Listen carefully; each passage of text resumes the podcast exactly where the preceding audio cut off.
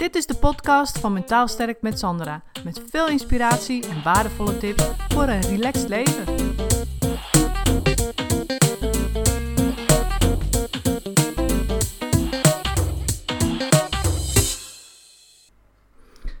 Als er eh, mensen bij mij komen, dan, dan moeten ze eerst een lijstje invullen. Dat is eigenlijk een stressmeter.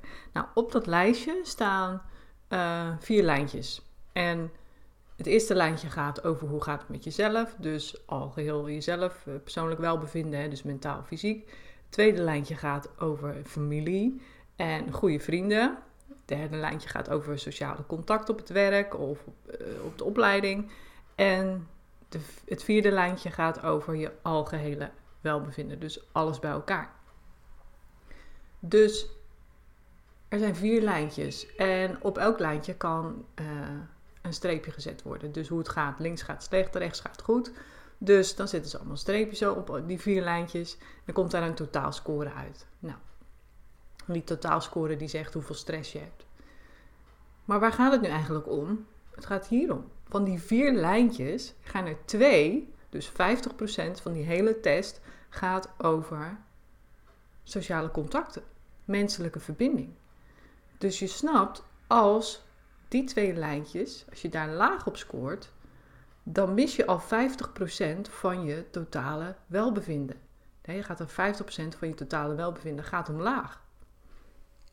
Maar het is ook natuurlijk de andere kant op. Dat als je heel goed voelt, dan is de kans groot dat op die twee lijntjes, die gaan over sociale contacten, dat die naar rechts staan. Want ja, het heeft immers 50% invloed op hoe je je totaal voelt. Dus het geeft maar weer even aan hoe belangrijk die menselijke verbinding is. Sociale contacten, mensen om je heen. Weet je, we hebben het gewoon nodig. Het is ons, ja, ons oerinstinct om ons te omringen met mensen. Weet je, het, we kunnen niet anders. En het heeft 50% invloed op hoe je je voelt. Zo simpel is het. En de rest is je mentale gesteldheid en je fysieke gesteldheid. Maar ook dat is natuurlijk weer van invloed door die 50% sociale contacten.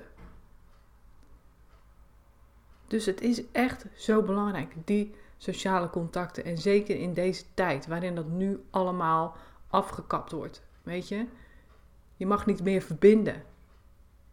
Je moet vermijden. En wat gebeurt er dan? Ik zie het echt gebeuren in, in mijn praktijk. Ik krijg gewoon mensen die echt hier, veerkrachtige mensen, laat ik ze zo noemen. Gewoon die normaal veerkrachtig zijn.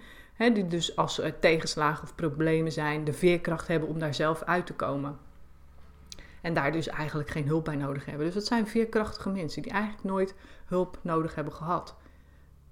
En die zie ik ineens in mijn praktijk. Veerkrachtige mensen die er normaal zelf wel uitkomen, maar niet, die nu dus die 50% missen. En daar gewoon somber, depressief van worden. En dat zijn jonge mensen, dus, of nou ja, jonge mensen in de 40, hè, gewoon met een gezin en een vrouw en kinderen. Maar het zijn ook ouderen uiteraard, die zie ik ook ineens. Oudere mensen. Veerkrachtige ouderen, weet je. Sommigen zijn gewoon al jaren weduwe of weduwenaar. En hebben dat gewoon heel veerkrachtig opgelost. Die zijn gewoon met hun sociale contact aan de gang gegaan. Die hebben vrienden. En weer die 50%, daarmee dus eigenlijk van hun welbevinden, daarmee opgevangen. Maar ja, ook dat valt nu weg. Alle vrijwilligersclubjes waar ze in zaten, of bij de kerk, of weet ik veel wat. Allemaal valt het weg.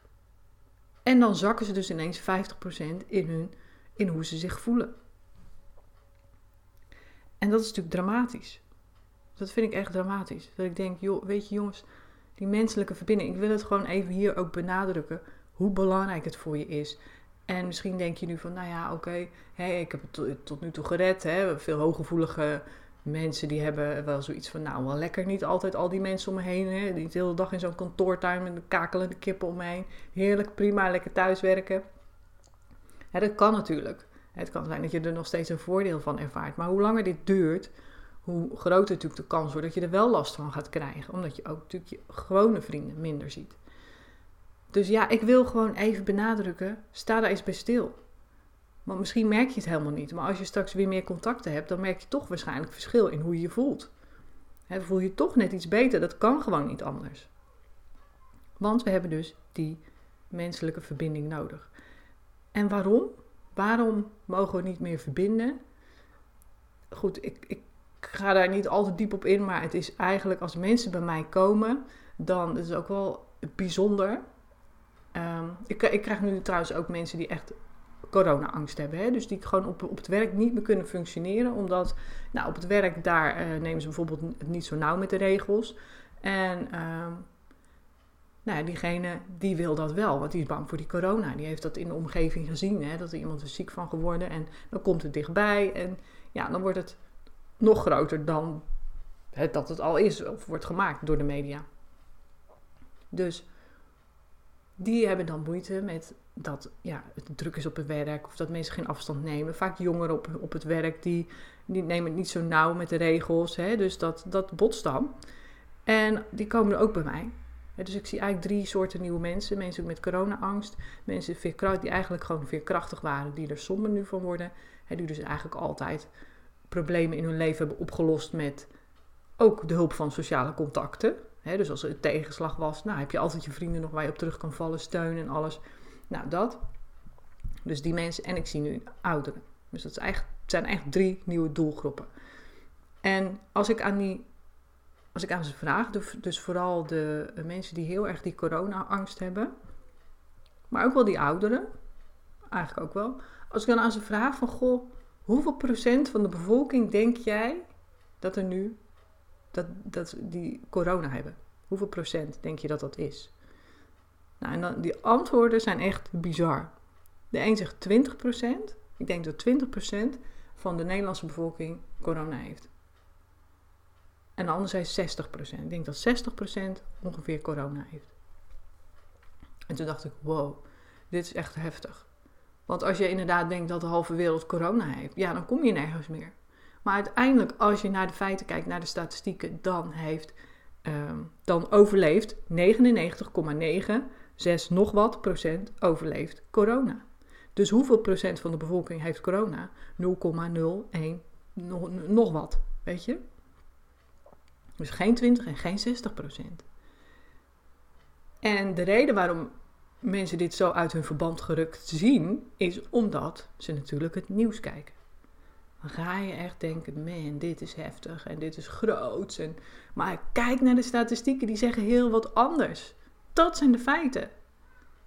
Dus als ik ze daarop wijs, dan hebben ze ineens zoiets van, wow, weet je, oké dan. Want dat komt natuurlijk niet voorbij op het nieuws.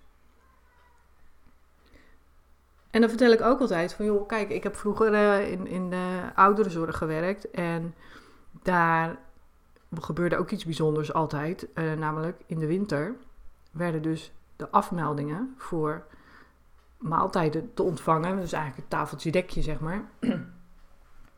Die, uh, die, die waren echt, de afmeldingen waren echt heel hoog. In de winter. Waarom?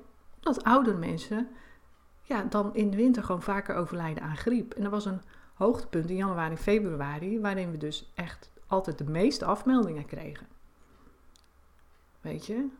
Dus dat, ook dat zet het natuurlijk een beetje in perspectief.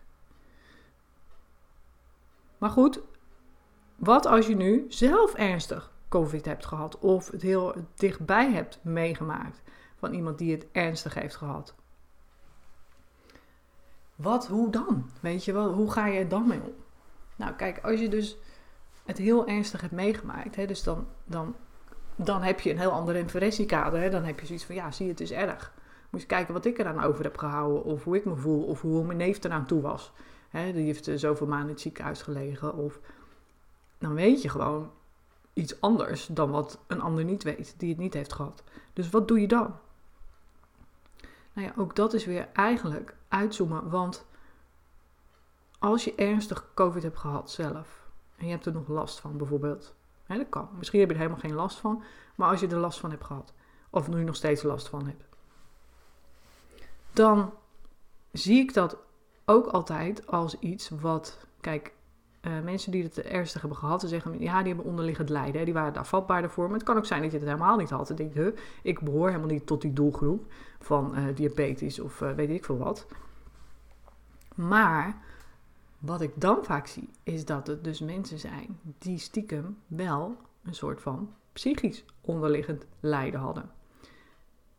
En ik zal een voorbeeld geven aan de hand van mezelf. Ik heb bijvoorbeeld toen ik uh, nog altijd gewoon doorknalde met werk, weet je. Ik was altijd gewoon niet lullen maar poetsen, doorgaan, oké.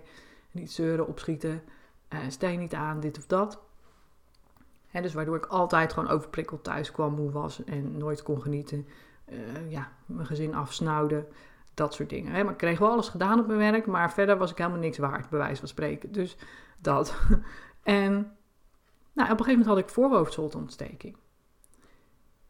En ja, dat is natuurlijk, nou ja, niet heel erg ernstig, maar het is ook niet fijn. Dus daar heb ik toen vier maanden last van gehad. Vier maanden. Omdat ik gewoon doorging. Weet je, ik stopte niet. Ik ging gewoon door. Ik nam geen rust voor mezelf. Ik eh, stopte vol met uh, paracetamol en ik ging, net zo, ik ging gewoon door. En dan is het natuurlijk logisch dat zoiets niet goed geneest.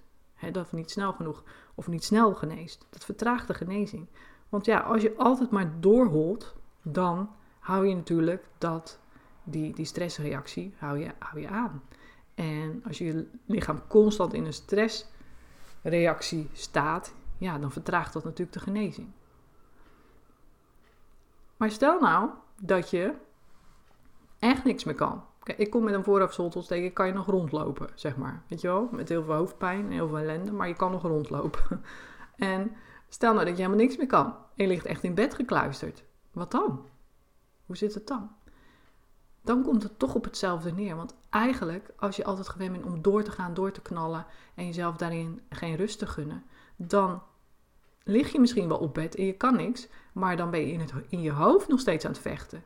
Van ik wil dit niet, ik wil kunnen doorknallen en ik baal hiervan en waarom lig ik hier en waarom heb ik dat. En, hè, dus dan ben je constant aan het vechten in gedachten. Nog steeds. En dan maak je dus ook die vechtenreactie aan, waardoor die genezing vertraagt. En zo zie ik het. Dus weet je, tuurlijk, het is erg als je het hebt gehad en je hebt er nog steeds last van. Maar kijk ook naar hoe je ermee om bent gegaan. Of misschien nog steeds. Het is net als mensen die chronisch ziek zijn, die heb ik natuurlijk ook in de revalidatie heel erg gezien. Die waren eigenlijk, of bleven vooral heel erg ziek, omdat ze er zo mee aan het vechten waren. Omdat ze het echt niet wilden. En dat wil niet zeggen dat als je het accepteert dat je ziekte dan weg is. Maar het wordt allemaal wel lichter en draaglijker. En het begint altijd in je hoofd. En wat dan eventuele neveneffecten zijn op um, nou ja, dus de ziektesymptomen. Ja, daar kunnen we natuurlijk geen uitspraak over doen. Maar het gaat wel, begint altijd met hoe ga je ermee om in je hoofd. En echte acceptatie, dat is voor mensen heel erg moeilijk. Zeker als je chronisch ziek bent. Hè? Dus vooral dan. Als je dat kan, dan verandert er wel een heleboel. En, want dan komt ook, als je hoofd tot rust komt, dan komt ook je lichaam tot rust. En wat gebeurt als je lichaam tot rust komt? Dan geneest het. Weet je? Dus even terug naar het begin, want waar ging dit nou eigenlijk over? Die menselijke verbinding. Weet je, 50% van je welbevinden wordt dus bepaald door je sociale contacten. Dus zoek die sociale contacten op. Weet je, ik liep net ook weer buiten met de hond en uh, toen dacht ik, eigenlijk, weet je, gelukkig, er zullen altijd mensen zijn. En er zullen ook altijd aardige mensen zijn. Want ik loop met mijn hond en ik kom alleen maar aardige mensen tegen. Met andere honden. Nee, je maakt een praatje en het is gezellig. En je hebt iets uh, gemeenschappelijks. Hè, een hond. En ja, daar kun je het over hebben. En mensen zijn aardig. En het is leuk. En dan kom je toch even net iets uh, hipper thuis, zeg maar, weet je wel. Net iets blijer thuis dan dat je wegging. En ja, als je vrienden hebt, zoek ze gewoon op, weet je. En weet je, als je bij de kapper mag zitten, die mag aan je haren plukken. En je mag bij de fysio liggen en die mag in je lijf drukken met zijn handen. Ik bedoel, dan zou je je vriend of je vriendin geen, geen dikke huk mogen geven. Weet je, het klopt allemaal van geen kant. Dus gebruik gewoon je boerenverstand. En kies voor jezelf, voor je eigen welbevinden.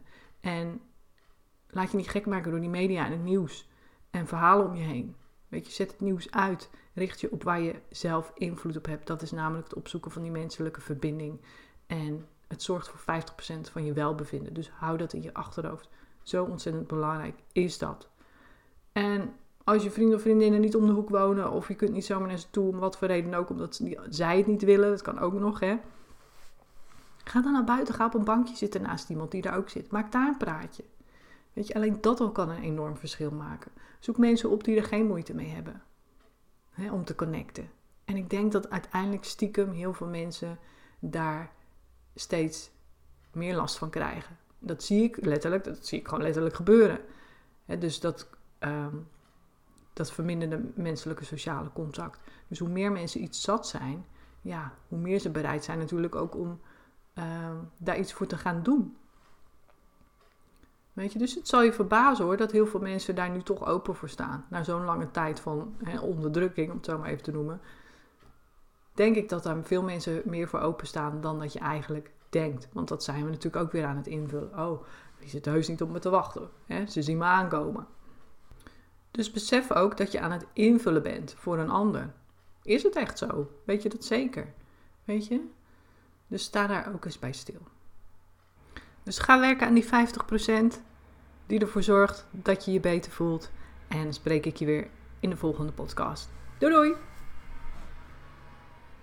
Bedankt voor het luisteren. Wil je meer weten over mijn online videotraining of wil je graag mijn 1 op 1 hulp via Skype of in mijn praktijk?